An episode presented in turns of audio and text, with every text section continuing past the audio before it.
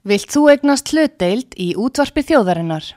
Sendu tölvupóst á hlutabref at útvarpsaga.is eða ringdu í síma 533 3943. Útvarpsaga stendur vörð um tjáningafrelsið.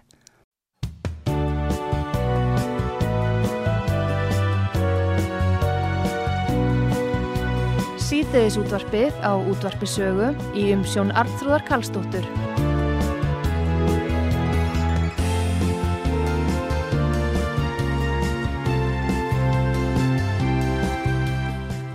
Komið þið sælum, Artrúðu Kallstóttir helsar ykkur hér frá útvarpi sögu.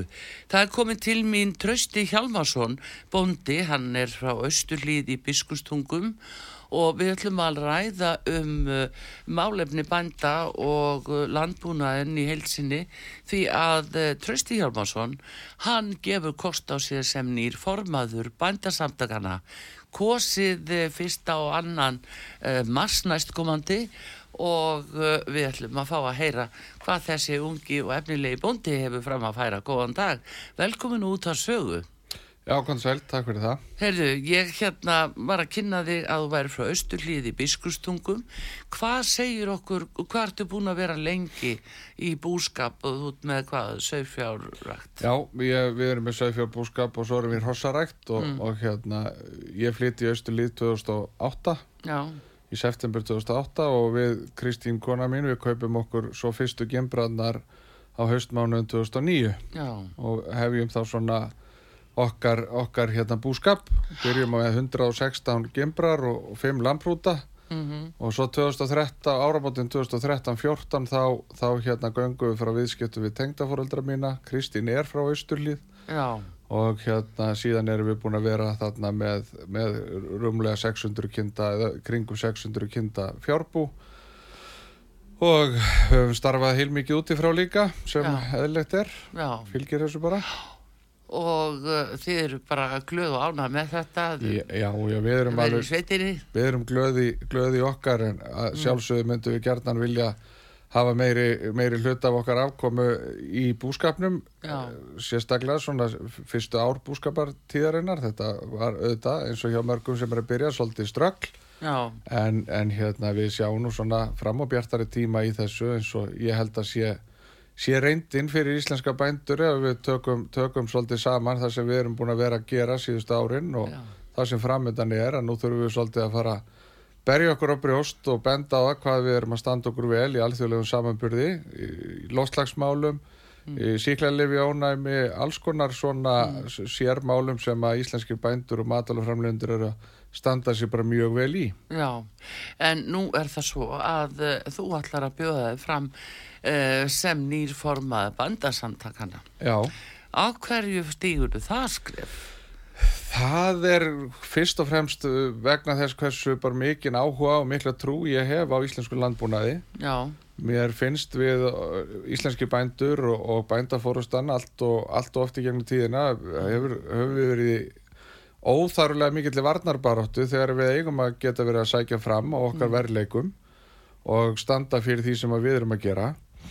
Uh, fólk kom að máli við mig vítt og breytta landinu núna um síðust áramót og, Já. og hérna kvatti mig í þetta og þegar ég var búin að liggja yfir þessi í daldin tíma þá hvað ég að láta slagstanda vegna þess að ég hef trú á því að með svona aðeins breyttum áherslum í, í framsetningu á okkar málflutningi svolítið jákvæðara, jákvæðara svona ego-boost Já. til bænda mm.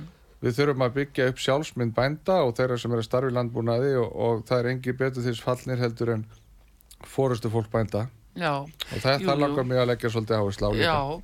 En hérna, hvaða áherslur eru það áherslu auki öllu heldur? Uh, vilt þú koma á framfæri? Ef við svona förum aðeins uh, yfir það.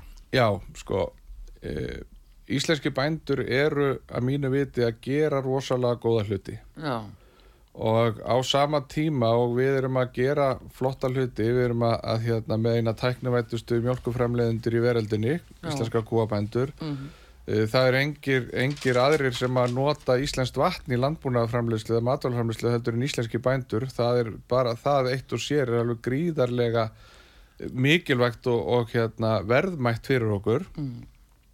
Ég tel að við eigum sko eiru og, og hérna hug og hjörtu neytenda á Íslandi, ég held að neytendur standi heilsögara að baki íslensku matvælafræmlendum og íslenskum bændum. Og nú þurfum við að fara að tala um allt þetta jákvæði sem við erum að gera.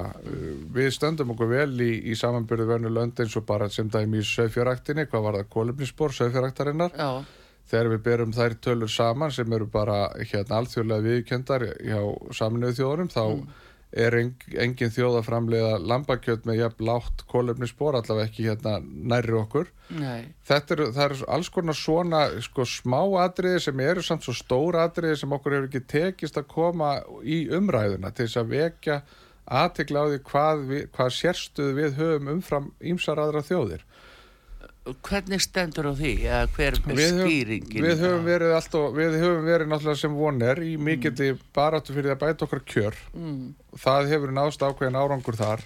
Mm, við þurfum að geta gert það áfram. Við þurfum að bæta hag okkar og bæta kjör okkar og það, það gerum við best með því að auglýsa okkur hvað við erum, hvernig við erum að gera hlutina og sko já, hvað það er hægt að segja skilabóð, það er að koma skilabóðum á framfæri mm, segja sama hlutin með tveimur eða þremur mismunandi aðferðum. Já, og ég tel að það sé mjög mikilvægt að fara að leiða umræðinu yfir í það. Íslenskir bændur er að standa sér frábælega en ef við gætum ekki að okkar þá töpum við þessu út úr höndunum sem við höfum í íslenskir matalaframlisli í dag á mörgum sviðum. Já, já Nú hefur verið ymmit um það talað að, eh, að bændur eh, þeir eh, eigi jafnvel ekki mjög glæsta framtíð og þar meðal annars koma þessi loftlagsmálin Já, heldur betur að fullum þunga. Mm samanbyr gerfikjöti sem er verið að framleiða og uh, það á að, að draga úr uh, já, kolefnissporinu. Mhm. Þannig að hvað eru þó íslenski bændur að gera sem að, að myndar þessa sérstöðu okkar íslendinga? Já, við getum bara tekið eitt lítið dæmi. Við sjáum bara til dæmis sko, hvað eru danskir bændur að gera í, til þess að lækka kólumnisbor nautgriparæktarinnar? Þar eru þeir meðal annars að lækka hitastig í, í haughúsum. Mm. og hvert eru þeir að fara með það hitastig? Niður í sama hitastig og virðist vera líkur á að séu hér í öllum íslenskum fjósum. Já, sem segir okkur það að, jú, kólumnisborið er lægra hér í íslenskri mjölkur framlýslu heldur en annar staðar. Já, Við sjáum líka að, að hérna, uh, framlýslu aukningin per kind á Íslandi síðustu 20 árin, hún er með þeim hætti að, að hérna, kólefnisspor íslensku söðkindarinnar er mikið mun lægra heldur en það var fyrir 20 árum vegna þess hvað við höfum náða að auka framlýsluna um 20-25% eftir hverja vetra fóraða kind og lofslagsmálin eru yfirleitt reiknuð út á það sem þú ert að framleiða og reiknað út á kílóið og það, það segir sér þá sjálft að þegar við höfum verið ómeðvitað síðustu 20 árin að vinna mjög markvist í lofslagsmálunum og þegar við erum líka að horfa á til dæmis það sem er að gerast inn út í Evrópu og víða í kringum okkur og þar er verið að búa til sáttmála núna við bændur. Þar sem að stefnir í að þeir verði kannski eftir 15 ár komnir þangað sem að við erum núna eða vorum jafnvel 2010 í framlýsluháttum já. þá erum við að ta- tala um að draga úr ábyrðanótkun og, og varnarefnum og ýmsu öðru Já, sem að við erum bara búin að vera að gera mjög jæmt og þétt í svo langan tíma að við erum búin að gleyma sérstöðuna bak við það já, akkurat. Það er þetta sem er náttúrulega mjög aðtiklisvert og, og menn ættu þá frekar að sæki það að framlega meira á Íslandi við þessar kjöra aðstæður sem við verðumst hafa. Já, uh, en ekki að fækka bændum heldur meira að fjölga út um allt. Já, ég meina í- að mínu viti þá væri mjög eðlileg stefna hjá íslensku stjórnvöldum og íslensku þjóð að auka sína matvælaframlýslu vegna þess að hér höfum við alveg einstaka getu bæði sko, bænda til að auka sína framlýslu og við höfum sko, landfræðilega lega okkar, hún ger, gefur okkur svo mörg tækifæri. Við höfum ennþá landrýmið til þess að gera þetta. Og, og hérna uh, að sko við hvert bónda sem að fækkar hér og, og hvert kíló sem dregst saman hér framleiðsla þá erum við alltaf að færa framleiðsluna og störfin úr landi og matur sem er fluttur hingað inn kjötvara og annað eh, slíkt uh, þetta er ofta tíðum verið að flytja þetta hingað inn frá löndum þar sem kaup og kjör uh, fólk sem vinnur við landbúnaðin eða úrvinnslu þessar vara er bara ekki jafn góð eins og hér og þá erum við bara að segja það ok, við erum ekki tilbúin að borga fyrir íslenska mat það sem á kostar en við erum alveg tilbúin að stuðla því að, að halda fólki í lálunastörfum einhverstar annar staðar út í heimi við að framlega matinn hand okkur. Já, já, þetta er svona ákveðin tvískinningur í þessu. Já, af því að við höfum getuna til að gera þetta. Við höfum bænduna og bændur eru sem betur skilur orðin mentaðari heldur þau voru fyrir 30 árum verða það ekki að vera búfræðinga til að fá leifi verða það kannski ekki en, en þeir eru það mjög margir og margt fólk búið að menta sig í, landbúnaðarfræðum. Mm. og við sjáum líka að það er mikil ásókn í landbúnaðarháskólan þannig að það er gríðalegur áhugi fyrir íslensku landbúnaði. Já, og við verðum að fara að grípa boltan hérna og, og hérna skapa aðstæðunar fyrir ungt fólk til þess að koma inn í landbúnaðin til þess að verði eðlileg nýleðun í landbúnaði við sjáum alveg að bændum er að, hæ, er að fækka, þeir að hætta og það út af fyrir sig er ekkert óeðlilegt að bændur hætti búskap þegar þeir eru orðin fullorðnir. Það sem er hins vegar óeðlilegt í okkar samfélagi er að það er einhvert ungt fólk sem kemur og tekur við búanum það er óeðlileg þróun já, og þar þurfum við að, að fókusera á hvað við getum gert betur. Það þarf að, þarf að vinna í vaksta umhverfinu hérna, kakvart landbúnað eins og bara öllum öðrum í, í samfélaginu og við þurfum að greiða götu fólks að landbúnaðalandi og, og búskap vegna þess ég spái því að eftir ekkert mjög mörg ár þá munum við við verðum að fara að auka við matvælaframlöslu á öllum stig og sviðum matvælaframlöslunar já, já. En hérna eh, hvað eh, hvað heldur að ráði því að, að það er ekki meiri nýliðun og það er svona erfitt fyrir unga bændur að byrja? Hvaða pólitíki það, hvað, hvernig stendur á þessu? Eh, fyrst og síðast er það náttúrulega bara afkoman. Já. afkoman hefur ekki verið nógu góð. Um, en ég hef trú á því að við séum að fara ef við höldum rétt að spiluna núna samtali við stjórnmöld, samtali við bara uh, íslenska þjóð að við séum að gera okkur grein fyrir mikilvægi þess fyrir okkur að, að, að hérna, afla okkar matvæla sjálf og gera það sem við getum til að framleiða okkar mat.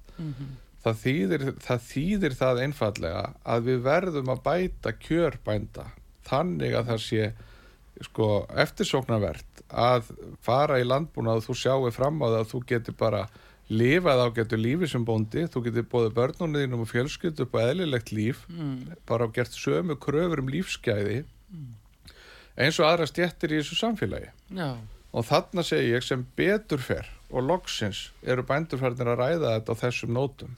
Já að gera er eðlilegar kröfur um lífsgæði. Já, og segð mér til dæmis uh, þegar þú talar um afkomi ykkar og annað að tökum sinn dæmi eins og hjá þér á þínu bíli að hvað 600 uh, kindur, sagður Já, uh, hvað færðu svona í góðu ári, hvað færðu mörg lömb út úr því?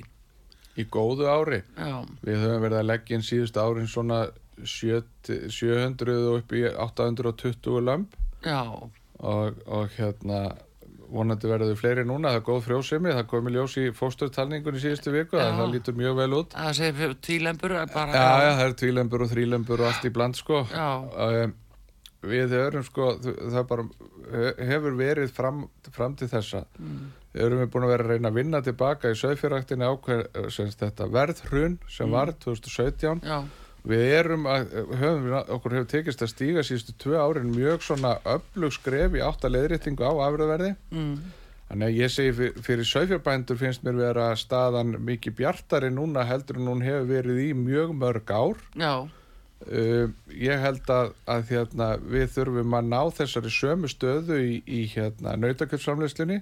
Það er verið að ganga of harkalega fram gagvart nautakjöpsframleiðendum í Já. stórauknum innflutningi. Á sama tíma og bændur hafa verið að, að hérna, bæta sína að, aðstöðu það við höfum flutt hérna inn nýtt og, og öflugra framleiðslu kyn til þess að framleiða hagkvæmri gripi. mhm, Eh, Þannig að það, þar þarf að fara að spyrna við fótum og í, mjölkuframlýslunni sjáum við líka að það náttúrulega er fyrst og síðast eh, vaksta umhverfi sem er að slega marga unga bændur, að margt ungt fólk í þeirri grein. Já, já, og þar þarf, þarf að fara að horfa í það sko af hverju er, sko, er mjölkin, er bóndin að fá og lítið fyrir hver, lítra mjölk mhm, ok, ef svo er, hvernig ætlum við þá að laga það?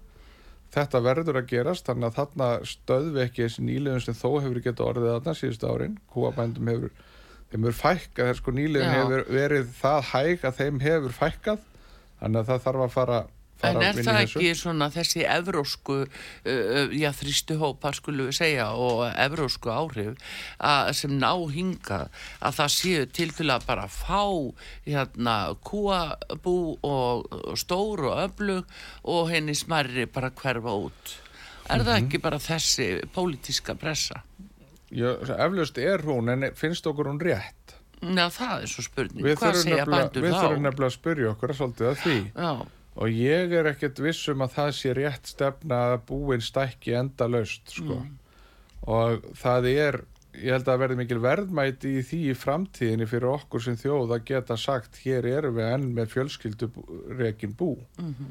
af því að það er, það er sjarmi yfir því já. það er sérstaða fólkin í því sem er ekki, ekki víða annar staðar og á sérstöðunni eigum við að byggja okkar landbúnað á sama tíma og við erum að uppfylla grunnþarfi þjóðarinnar fyrir bara heilnæm og holl matvæli er bara undirstu matvæli Já. en hérna, já, það, þetta er svo mikið í húfi fyrir heila þjóð Já. En þess vegna velti maður því svona fyrir sér að af því sem að, að bændur hafa nú haldið lífi í þjóðinni ásamt uh, sjómunum uh, aldir Mhm. en hérna uh, það var hægt að lifa ágættu lífi af því að vera bóndi. Hvað breyttist og hvað hefur breyst á svona síðustu árum og áratugum? Já, ég, svo sem það er, ég held að séu svo margir þættir að það er svolítið erfitt að koma auga á eitthvað einn Mm einn þátt, en ég, það hefur gerst held ég bara eiginlega það sama hér eins og bara víðast hvar í einu vestræna heimi. Krafan um að matur megi ekkert kosta. Hún hefur verið mjög rík.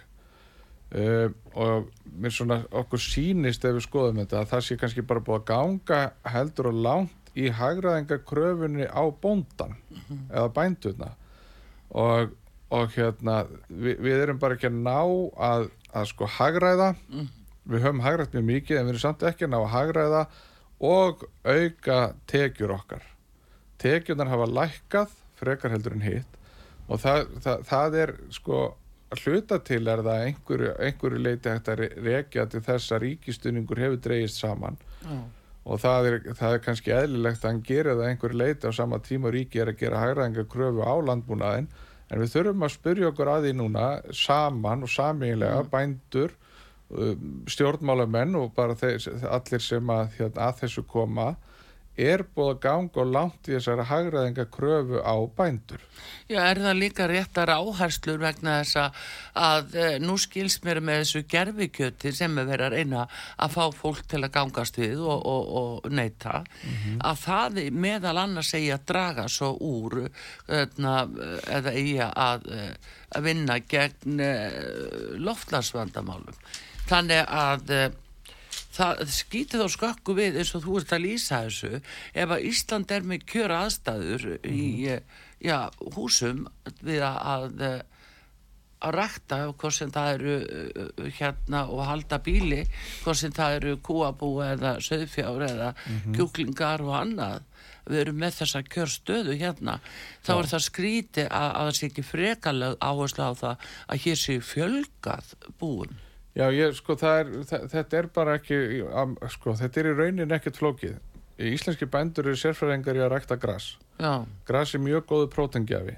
Það er fátt ódýrar sem það getur fengið til þess að framlega búa til kjöt, heldur en bara eins og í söðfjörræktinni útagabeit, þar sem að þú setur féðir á beit, já, tekur þarna þessar plöntur sem að enginn eh, er að gera neitt annað við í rauninni og býr þar að leiðandi til þessa gæðavöru sem, sem lambakjöti er. Já, Í nautakjötinu og mjölkuframlistunni er þetta mjög svipað. Það er uppstaðan er, eða undirstaðan er gróföðuröflunin sem að íslenski bændur eru að mínu viti sérfræðingar í. Og það eru, þar eru tækifærin okkar í að, að hérna, efla bænduna í að rækta gras vegna þess að þeir, eru- góður í, þeir geta gert enn betur og við getum aukið mataraframlistunni hérna.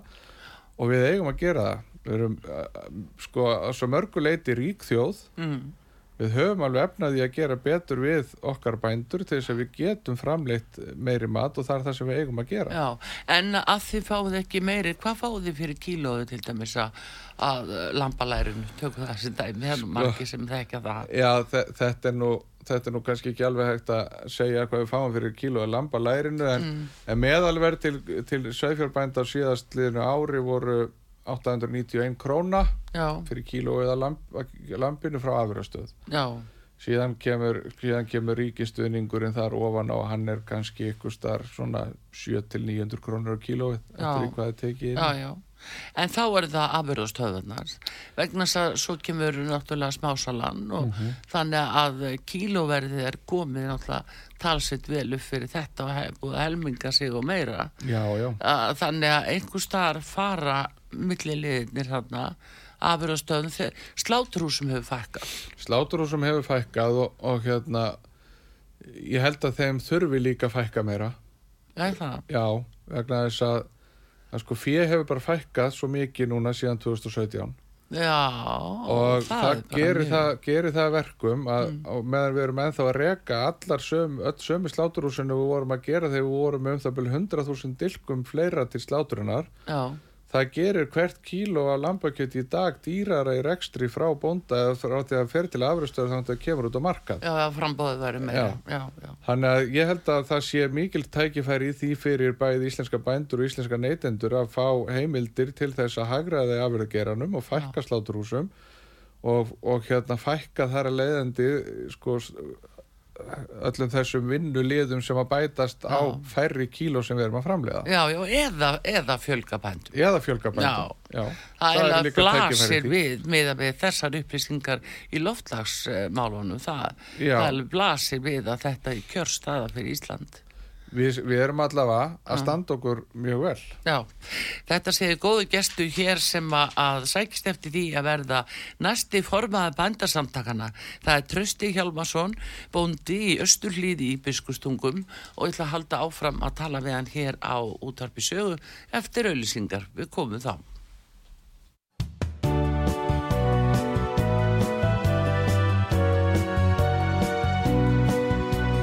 Síðdeðis útvarpið á útvarpi sögu í umsjón Arnþrúðar Karlsdóttur.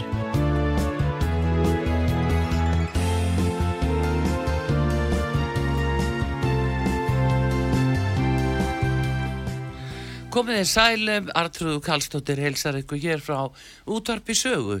Það er komið til mín Trausti Hjalmarsson, bóndi, hann er frá Östurlíð í Biskustungum og við ætlum að ræða um uh, málefni bænda og uh, landbúnaðin í heilsinni því að uh, Trausti Hjalmarsson, hann gefur kost á sér sem nýr formaður bændasamtakana, kosið uh, fyrsta og annan uh, mars næstkomandi og uh, við ætlum að fá að heyra hvað þessi ungi og efnilegi bóndi hefur fram að færa. Góðan dag, velkomin út að sögu. Já, konn sæl, takk fyrir það. Herðu, ég hérna var að kynna þig að þú væri frá Östurlíði í Biskustungum.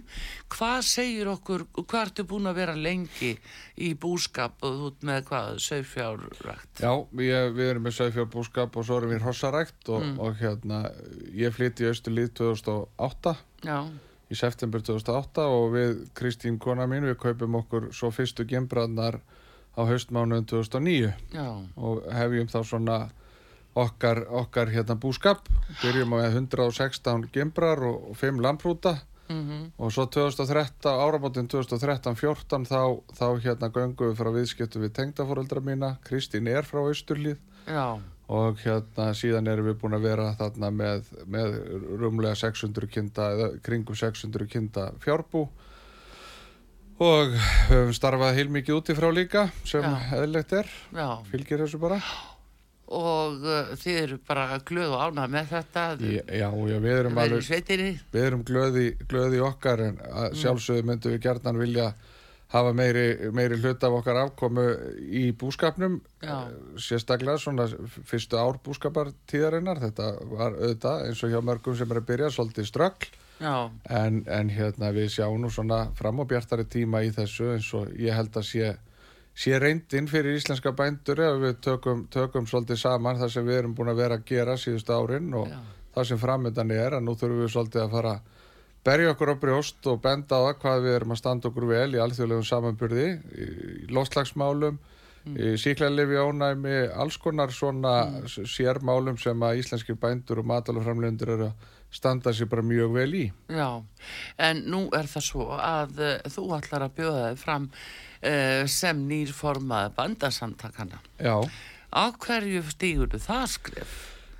Það er fyrst og fremst uh, vegna þess hversu bara mikinn áhuga og mikla trú ég hef á íslensku landbúnaði. Já. Mér finnst við uh, íslenski bændur og, og bændafórustan allt og, allt og oft í gegnum tíðina hefur, hefur við verið óþarlega mikill varnarbaróttu þegar við eigum að geta verið að sækja fram á okkar mm. verleikum og standa fyrir því sem við erum að gera fólk kom að máli við mig vitt og breyta landinu núna um síðust áramót og, og hérna kvatti mig í þetta og þegar ég var búin að liggja yfir þessi í daldinn tíma þá hvað ég að láta slagstanda vegna þess að ég hef trú á því að með svona aðeins breytum áherslum í, í framsetningu á okkar málflutningi svolítið jákvæðara jákvæðara svona ego-boost til bænda. Mm. Við þurfum að byggja upp sjálfsmynd bænda og þeirra sem er að starfi landbúnaði og, og það er engi betur þess fallnir heldur en fórustu fólk bænda. Já, og þetta langar mig að leggja svolítið áherslu á líka. Já, en hérna hvaða áherslur eru það áherslu auki öllu heldur? Uh, vilt þú koma á framfæri? Ef við svona förum aðeins uh, yfir það. Já, sko uh, íslenski bændur eru að mínu viti að gera rosalega góða hluti. Já. Og á sama tíma og við erum að gera flotta hluti, við erum að, að hérna, með eina tæknavættustu mjölkufremleðundur í veröldinni, íslenska kúabændur mm -hmm. það er engir, engir aðrir sem að nota íslenskt vatn í landbúnaðarframleðslu eða matalframleðslu heldur en íslenski bændur það er bara, það eitt og sér er alveg gríðarlega mikilvægt og, og hérna, verðmætt fyrir okkur mm. Ég tel að við eigum sko eiru og, og hérna hug og hjörtu neytenda á Íslandi. Ég held að neytendur standi heilsögara að baki íslensku matalafræmlegendum og íslenskum mm. bændum og nú þurfum við að fara að tala um allt þetta jákvæði sem við erum að gera. Við stöndum okkur vel í, í samanbyrðu vernu lönd eins og bara sem dæmi í sögfjöraktinni, hvað var það, kolumnispor sögfjöraktarinnar. Já. Þegar við berum þær tölur saman sem eru bara hérna alþjóðlega viðkjöndar hjá saminuðu þjóðurum þá mm er engin þjóð að framlega lambakjöld með jafn látt kólefnisspor allavega ekki hérna nærri okkur Nei. þetta er, er alls konar svona sko, smá atriði sem eru samt svo stór atriði sem okkur hefur ekki tekist að koma í umræðuna til þess að vekja aðtegla á því hvað, við, hvað sérstuð við höfum umfram ímsar aðra þjóðir hvernig stendur á því eða hver er skýringin við höfum verið alltaf, við höfum verið náttúrulega sem voner í mikilli mm. baráttu fyrir að bæta okkar kjör mm. það hefur nást ákveðin árangur þar mm. við þurfum að geta gert það áfram við þurfum að bæta hað okkar og bæta kjör okkar og það, það gerum við best með því að auglýsa okkur hvað við erum, hvernig við erum að gera hlutina og sko já, hvað það er hægt að segja skilabóð, það er að koma skilabóðum á framfæri mm. segja sama hlutin með tveimur eða þremur mismunandi aðferðum. Já. og ég tel að það sé mjög mikilvægt að fara að leiða umræðinu yfir í það.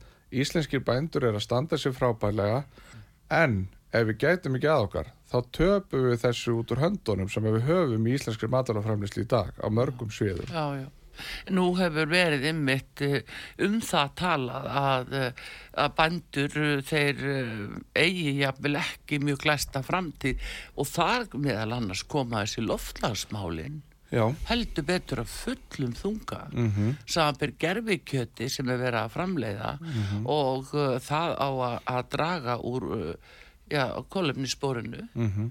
Þannig að hvað eru þó íslenski bændur að gera sem að, að mynda þessa sérstuðu okkar íslendinga? Já, við getum bara tekið eitt lítið dæmi. Við sjáum bara til dæmis, sko, hvað eru danskir bændur að gera í, til þess að lækka kólumnisbór nautgriparæktarinnar. Þar eru þeir meðal annars að lækka hitastig í, í haugúsum mm -hmm. og hvert eru þeir að fara með það hitastig? Niður í sama hitastig og virðist vera líkur á að séu hér í öllum íslenskum fjósum Já. sem segir okkur það að, jú, kolumnisporið er lægra hér í íslenskri mjölkur framlýslu heldur en annar staðar. Já.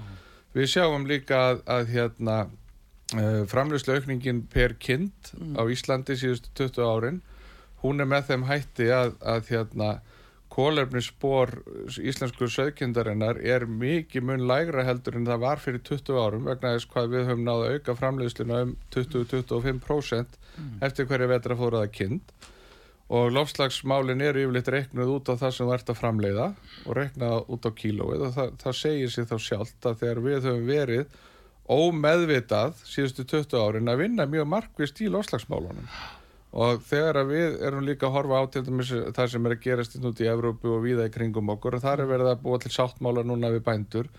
Þar sem að stefnir í að þeir verði kannski eftir 15 ár komnir þangað sem að við erum núna eða vorum jafnvel 2010 í framlýsluháttum Já.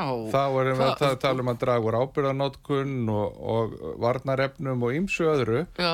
sem að við erum bara búin að vera að gera mjög jæmt og þétt í svo langan tíma að við erum búin að gleyma sérstöðuna bak við það. Já, akkurat. Það er þetta sem er náttúrulega mjög aðtiklisvert og, og menn ættu þá frekar að sæki það að framlega meira á Íslandi við þessar kjöra aðstæður sem við verðumst hafa Já, en ekki að fækka bændum heldur meira að fjölga út um allt. já, ég minna að mínu viti þá væri mjög eðlileg stefna hjá íslensku stjórnvöldum og íslensku þjóð að auka sína mataraframlýslu vegna þess að hér höfum við alveg einstaka getu bæði sko, bænda til að auka sína framlýslu og við höfum, höfum sko, landfræðilega okkar, hún ger, gefur okkur svo mörg tækifæri. Við höfum ennþá landrýmið til þess að gera þetta. Já, og, og hérna að fa- fa- sko hvert bónda sem að fækkar hér og, og hvert kíló sem dregst saman hér framleiðsla þá erum við alltaf að færa framleiðsluna og störfin úr landi. Og matur sem er fluttur hingað inn kjötvara og annað eh, slíkt uh, þetta er ofta tíðum verið að flytja þetta hingað inn frá löndum þar sem kaup og kjör fólk sem vinnur við landbúnaðin eða úrvinnsleisar vara er bara ekki jafn góð eins og hér og þá erum við bara að segja það ok, við erum ekki tilbúin að borga fyrir íslenska mata sem á kostar en við erum alveg tilbúin að stuðla því að, að halda fólki í lálunastörfum ykkur starf annar staðar út í heimi við að framlega matinn hand okkur. Já, já, þetta er svona ákveðin tvískinningur í þessu. Já, já, jú, af því að við höfum getuna til að gera þetta. Við höfum bænduna og bændur eru sem betur skilur orðin mentaðri heldur þau voru fyrir 30 árum Verða þær ekki að vera búfræðinga til að fá það- verða það kannski ekki en, en þeir eru það mjög margir og margt fólk búið að menta sig í, í landbúnaðafræðum Mm. og við sjáum líka að það er mikil ásókn í landbúnaðarháskólan þannig að það er gríðalegur áhugi fyrir íslensku landbúnaði. Já, og við verðum að fara að grípa boltan hérna og, og hérna skapa aðstæðunar fyrir ungt fólk til þess að koma inn í landbúnaðin til þess að verði eðlileg nýleðun í landbúnaði við sjáum alveg að bændum er að, hæ, er að fækka, þeir að hætta og það út af fyrir sig er ekkert óeðlilegt að bændur hætti búskap þegar þeir eru orðnir fullorðnir. Það sem er hins vegar óeðlilegt í okkar samfélagi er að það er einhvert ungt fólk sem kemur og tekur við búanum það er óeðlileg þróun. Já, og þar þurfum við að, að fókusera á hvað við getum gert betur. Það þarf að, þarf að vinna í vaksta umhverfinu hérna, gagvart landbúnaði eins og bara öllum öðrum í, í samfélaginu og við þurfum að greiða götu fólks að landbúnaðalandi og, og búskap vegna þess ég spái því að eftir ekkert mjög mörg ár þá munum við við verðum að fara að auka við matvælaframlöslu á öllum stig og sviðum matvælaframlöslunar já, já. En hérna, eh, hvað, eh, hvað heldur að ráði því að, að það er ekki meiri nýliðun og það er svona erfitt fyrir unga bændur að byrja? Hvaða pólitík í það? Hvað, hvernig stendur á þessu? Eh, fyrst og síðast er það náttúrulega bara afkoman Já. afkoman hefur ekki verið nógu góð um, en ég hef trú á því að við séum að fara ef við höldum réttarspiluna núna samtali við stjórnmöld, samtali við bara uh, íslenska þjóð að við séum að gera okkur grein fyrir mikilvægi þess fyrir okkur að, að, að hérna afla okkar matvæla sjálf og gera það sem við getum til þess að framleiða okkar mat. Það, þýðir, það þýðir það einfallega að við verðum að bæta kjörbænda þannig að það sé sko eftirsóknarvert að fara í landbúna og þú sjáu fram á það að þú getur bara lifað á getur lífi sem bóndi þú getur bóðið börnunum þínum og fjölskyldu upp á eðlilegt líf Mm. bara á gert sömu kröfur um lífsgæði eins og aðra stjettir í þessu samfélagi. Já, og þarna segi ég sem betur fer og loksins eru bændurfærnir að ræða þetta á þessum nótum Já, að gera ef við- eðlilegar kröfur um lífsgæði. Já, og segð mér til dæmis uh, þegar þú talar um afkomi ykkar og annað Mhm. að tökum sinn dæmi eins og hjá þér á þínu bíli Mhm. að hvað 600 uh, kindur, sagður Já, uh, hvað færðu svona í góðu ári, hvað færðu mörg lömb út úr því? í góðu ári? Já, Við höfum verið að leggja inn síðust árin svona 7 700 og upp í 820 lömb. Já, og, og hérna vonandi verður fleiri núna, það er góð frjósemi það komi ljós í fósturtalningun í síðustu viku það, það lítur mjög vel út. Það segir tvílembur bara Já, já, það er tvílembur og þrílembur og allt í bland sko. Um, Við erum sko það bara hefur verið fram, fram til þessa. Mm. erum við búin að vera að reyna að vinna tilbaka í söðfjörræktinni ákveð þetta verðhrun sem var 2017 já, Við erum að, höfum, okkur hefur tekist að stíga síðustu tvö árin mjög svona öflug skref í átta leiðréttingu á afröðverði. mm, Þannig að ég segi fyrir, sögfjörbændur finnst mér vera staðan mikið bjartari núna heldur en hún hefur verið í mjög mörg ár. já, Uh, ég held að, að hérna, við þurfum að ná þessari sömu stöðu í, í hérna, nautakjöpsframleðslunni. Það er verið að ganga of harkalega fram, gagvart nautakjöpsframleðendum í Já. stórauknum innflutningi. Á sama tíma og bændur hafa verið að, að hérna, bæta sína að, aðstöðu það, við höfum flutt hérna inn nýtt og, og öflugra framleiðslu kyn til þess að framleiða hagkvæmri gripi. mhm, Eh, Þannig að það, þar þarf að fara að spyrna við fótum og í, í mjölkuframlýstunni sjáum við líka að það náttúrulega er fyrst og síðast eh, vaksta umhverfi sem er að slega marga unga bændur, að margt ungt fólk í þeirri grein. Já, já, og þar þarf, þarf að fara að horfa í það sko af hverju er, sko, er mjölkin, er bóndin að fá og lítið fyrir hver, lítra mjölk mhm, ok, ef svo er, hvernig ætlum við þá að laga það? Þetta verður að gerast þannig að þarna stöðvi ekki þessi nýliðun sem þó hefur getað orðið þarna síðustu árin. Kúabændum hefur þeim hefur fækkað, sko nýliðun hefur verið það hæg að þeim hefur fækkað. Þannig að það þarf að fara, En er það ekki svona þessi evrósku, uh, já þrýstu hópar skulum við segja og evrósku áhrif að, sem ná hinga að það séu til til að bara fá hérna kúabú og, og stór og öflug og henni smerri bara hverfa út. Er Mhm. það ekki bara þessi pólitíska pressa? Já, eflaust er hún en finnst okkur hún rétt Já, það er svo spurning. við Hvað segja bændur við þá? þurfum nefnilega að spyrja okkur svolítið að því Já, og ég er ekkert viss um að það sé rétt stefna að búin stækki enda laust sko. og það er ég held að verði mikil verðmæti í því í framtíðinni fyrir okkur sem þjóð að geta sagt hér erum við enn með fjölskyldu rekin bú af því að það er, að það er sjarmi yfir því já, það er sérstæðafólkin í því sem að er ekki, ekki víða annar staðar og á sérstöðun eigum við að byggja okkar landbúnað á sama tíma og við erum að uppfylla grunnþarfi þjóðarinnar fyrir bara heilnæm og holl matvægi. ég er bara undirstu matvæli. Já, En hérna, já, það, þetta er svo mikið í húfi fyrir heila þjóð Já. þarna. En þess vegna velti maður því svona fyrir sér að af því sem að, að bændur hafa nú haldið lífi í þjóðinni á samt uh, sjómunum uh, aldir. En hérna, uh, það var hægt að lifa ágættu lífi af því að vera bóndi. Hvað breyttist og hvað hefur breyst á svona síðustu árum og áratugum? já ég, svo sem það er, ég held að séu svo margir þættir að það er svolítið erfitt að koma auga á eitthvað einn Mm einn þátt, en ég, það hefur gerst held ég bara eiginlega það sama hér eins og bara víðast hvar í einu vestræna heimi krafan um að matur megi ekkert kosta hún hefur verið mjög rík. Uh, og mér svona okkur sýnist ef við skoðum þetta að það sé kannski bara búið að ganga heldur og langt í hagraðingar kröfunni á bóndan eða bændurna og, og hérna við, við erum bara ekki að ná að, að sko hagræða. Við höfum hagrætt mjög mikið en við erum samt ekki að ná að hagræða og auka tekjur okkar. Tekjurnar hafa lækkað frekar heldur en hitt og það, það, það er sko að hluta til er það einhverju, einhverju leiti hægt að re- rekja til þess að ríkistunningur hefur dreigist saman. Já.